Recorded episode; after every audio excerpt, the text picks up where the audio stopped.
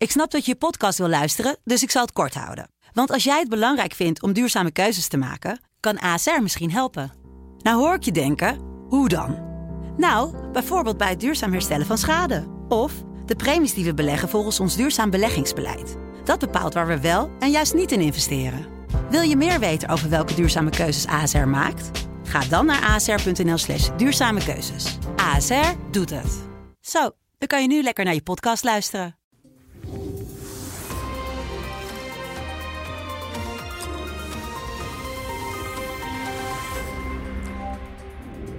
Welkom bij het gesprek met Paul Jansen, de hoofdredacteur van de Telegraaf, waarmee we wekelijks doornemen wat hem bezighoudt in het nieuws. Paul, welkom. Dankjewel. We gaan het over politiek hebben, want eh, er hangt een gedwongen fusie in de lucht. Tussen twee, eh, nou, de ene is echt een oerpartij, hè, doet al lang mee in de politiek PvdA. De andere is inmiddels ook geen nieuwkomer meer natuurlijk. Is Alle fusiepartijen op zich. ook een fusiepartij op zich. Ja. Eh, en dat, is, dat gaat met zo'n geforceerdheid dat daar bijna, zegt iedereen, alleen maar een soort van ramp uit voort kan komen. Ja, ja het, is, het is de ultieme vlucht naar voren. Eh, onze columnist Ronald Plasterk had daar eh, vanochtend een eh, uitstekende column over, over geschreven. Kijk, vanuit, vanuit Den Haag en zeker vanuit de twee kopstukken Ploemen en Klaver gezien, kan je er nog wel een lans voor breken. Eh, plat gezegd komt het op neer dat zowel Ploemen als Klaver natuurlijk een dramatische verkiezing hebben gedraaid. Met een dramatische uitslag. En dat hun carrière eigenlijk nou, min of meer voorbij zou zijn Ja, als ze in de oppositie belanden. Want dan zijn ze maar een kleine partij, kunnen en, en zich niet goed profileren. En eh, de kans dat dan bij een volgende stembusgang er een nieuwe leider wordt gezocht, is reëel. ja. Dus, dus er staat voor, voor deze twee mensen persoonlijk al heel veel op het spel.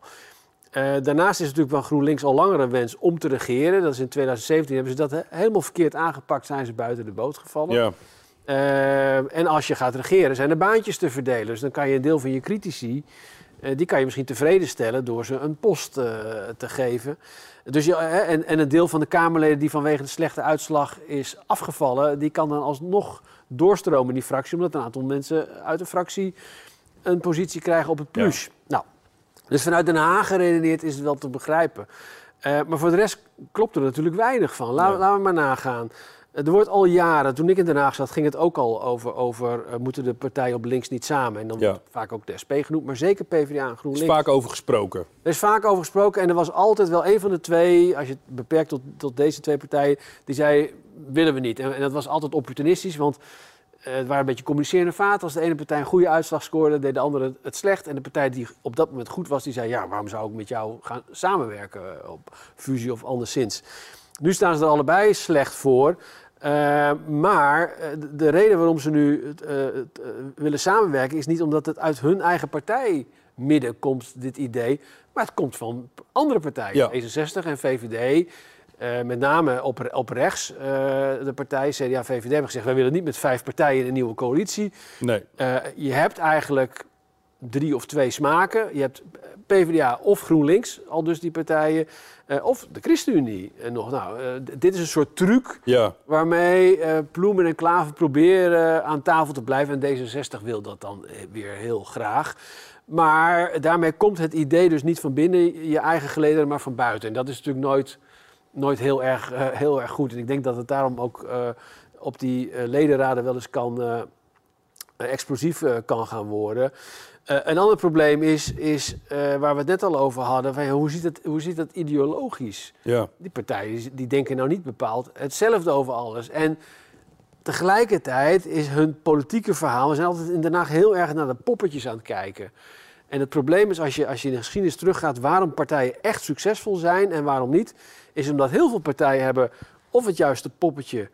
of het juiste verhaal. Maar het gaat pas echt vliegen als die twee samenkomen. Ja. Dat je een charismatisch leider hebt, maar ook een, ook een, een goed politiek verhaal wat aanslaat bij die kiezer.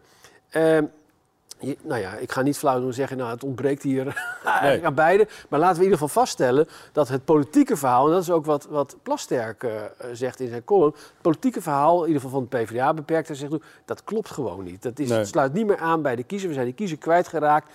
Dus dit is een soort, soort, soort, eh, soort paniekzet zou dat zijn om maar je met de nagels vast te klampen aan de macht. Maar ga nou eerst naar je politieke verhaal kijken. Ga terug naar die kiezer en kijk hoe je dat vertrouwen kan herwinnen. Tegelijkertijd zijn we zo gefragmenteerd. Je zei het net zelf al dat twee van de partijen zeggen: jullie moeten gaan fuseren, want ik ga niet met tig partijen samenwerken. Er moeten ook partijen verantwoordelijkheid gaan nemen van als je wilt besturen. Zullen er links of rechts wat fusies moeten komen? Want als we de peilingen zien, ik Ja. geloof dat de BBB staat inmiddels op zeven zetels. Het Ja. zijn altijd dagkoersen, maar de fragmentatie wordt natuurlijk alleen maar erger. Ja, en, en, en nog wat anders. Eh, kijk, vooropgesteld, links is gemarginaliseerd in deze verkiezingen. Ja. Links is nog nooit zo klein geweest. En eh, met, met SP ook nog, heeft ook niet goed gedaan. Eh, dat, dat is een teken aan de wand. En dat, dan kom ik weer op dat verhaal. Dat verhaal van links, dat past niet meer bij deze tijd. Eh, tegelijkertijd, als links zo gemarginaliseerd is, is dat wel een belangrijk signaal van de kiezer. Ook richting Rutte, Ja. richting Hoekstra. Eh, wij zitten niet te wachten op die, op die linkse deelname. Laat staan van twee partijen. En toch proberen die zich dan weer aan tafel te, te frommelen op, op deze manier. Ehm, dat, dat is wel merkwaardig. Ik, ik Ja. denk dat eh, het oordeel van de kiezer moet gewoon zwaar wegen in, in de vorming van een, een nieuwe coalitie. En we zitten dan met het probleem dat de PVV, als we die dan even tot winnaar, tot grote partij Mhm. verklaren, dat samenwerking daarmee al, al bij volbaat wordt uitgesloten. Dat klopt, maar, je, Ja. maar, maar en, en, en daar hebben we het in het verleden ook wel over gehad. Want eh, ik bedoel, het, het oordeel van de kiezer moet toch het zwaarst wegen. Ja. En, en er wordt nu, dat, dat vindt men inmiddels eh, bijkans normaal, dat al voor de verkiezingen wordt gezegd: oh, ik, met die wil ik niet en met die wil Ja. ik wel. En dat is, dat is, kan je zeggen, dat is duidelijk naar de kiezer toe. Maar het uitsluiten van partijen op voorhand, terwijl het democratische eh, proces nog zijn, eh, eh, zijn gang moet hebben, is, Ja. natuurlijk, is natuurlijk wel vreemd. Maar er is iets anders aan de hand. En dat is wel tekenend. Als je nou, eh, laten we zeggen, 20 jaar teruggaat. Waar zit nou de grote verandering? We hebben toch allerlei veranderingen gezien op, op rechts. De PVV is een nieuwe partij Ja. gekomen. De LP, LPF hebben we gehad. We hebben Baudet hebben we gezien. We hebben Ja. nog allerlei andere partijen gezien. Wat heb jij nou allemaal aan, aan gezien op links? Links is stilstand, Ja, al heel ja, lang. Klopt. En die stilstand, dat zie je, dat zie je terug in dat de SP is geloof ik de laatste eh, nieuwe linkse partij die erbij is gekomen. Ja. Eh, het, het, het, het komt niet in beweging. En dat is niet alleen het verhaal van er zijn geen nieuwe partijen, maar er zijn geen nieuwe ideeën. Nee. En dat is een belangrijke reden waarom links zo gemarginaliseerd wordt, omdat ze stilstaan. En ze Ja. staan niet alleen nu stil en al heel lang. En door nu van angst maar in elkaars armen te vallen om maar mee te kunnen doen. Ik kan me niet voorstellen dat dat een, een, een, eh, structurele oplossing gaat geven Nee. aan het probleem wat ik net schets. Het is een kortstondige oplossing om nu, om persoonlijke redenen die daar heel belangrijk bij zijn, op het plus te belanden. Maar het is ideeënarmoede bij links. Ja. Zij zijn echt de band met die kiezer. eh, om een grote, brede volkspartij te kunnen zijn, zoals de PvdA eh, was, zijn ze gewoon verloren. En ze zouden eerst daarna moeten kijken. Dan wordt het nu een heel belangrijk weekend, want er komen ledenraden aan bij verschillende partijen. En dan moeten die mensen gaan zeggen van ja, wat willen we nou? Dat, dat kan echt twee kanten op gaan. Ja, waarbij opvalt dat eh, bij de PvdA hoor je veel meer rumoer, nu op voorhand, dan bij GroenLinks. GroenLinks is, eh, daar is men eigenlijk best wel, best wel stil. Ja. Eh, en dat is voor Klaver natuurlijk een goed teken. Want ja, als je minder gedoe hebt in je partij, is de kans dat je daar goed uitspringt, is groter. En dat niet alleen. Maar de andere spelers in Den Haag, die kijken natuurlijk ook heel goed met argusogen wat er gebeurt in die partij. Want die willen straks niet een instabiele club aan tafel. Kijk, en we zijn hier op dit punt gekomen omdat PvdA en GroenLinks elkaar ook niet wilden loslaten. Ik acht het nog steeds heel reëel dat, we, dat straks eh, een kabinet Rutte 4, laten we daarvan uitgaan, dat het gewoon weer met de ChristenUnie eh, zou zijn. Maar dan moet eerst deze, deze horde wel zijn genomen. En ik denk dat GroenLinks er rekening mee houdt dat ze straks eh, toch de PvdA moeten loslaten. Als er te veel tumult is morgen, dan kan, dan kan de GroenLinks dat ook met, Ja. met een schoon geweten doen. En dan begint er weer een heel nieuw spel. ja, en dat zou nog eventueel in theoretische kans nog opnieuw verkiezingen kunnen uitlopen. Dat, dat verwacht ik niet. Daar, is geen, daar is geen reden voor. Het gaat erom dat eh, de tijd nodig is, en het duurt al heel lang, deze formatie.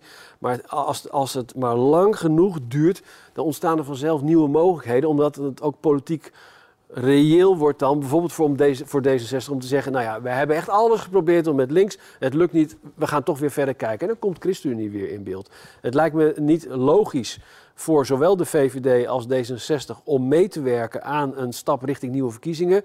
De kans dat, dat de VVD met Rutte weer zo'n uitslag scoort, ja, de peilingen wijzen erop dat ze het nog steeds goed doen. Maar het is een, het is een risico, want je moet dan wel de campagne in. Dan komt het hele gebeuren van voor de zomer komt dan weer terug. Hè, met, met de functie elders en, en de rol van Rutte daarin. En Kaag heeft natuurlijk goed gepiekt met haar partij bij de verkiezingen. En die heeft er echt geen belang bij om eh, ook dat in de waagschaal te stellen. Dus ik denk dat uiteindelijk de eh, VVD, eh, D66, maar ook CDA er alles aan zullen doen om dat vierde wiel aan, eh, aan die wagen te vinden. En ik denk nog steeds niet dat het een combinatie van deze twee zal zijn. Dankjewel.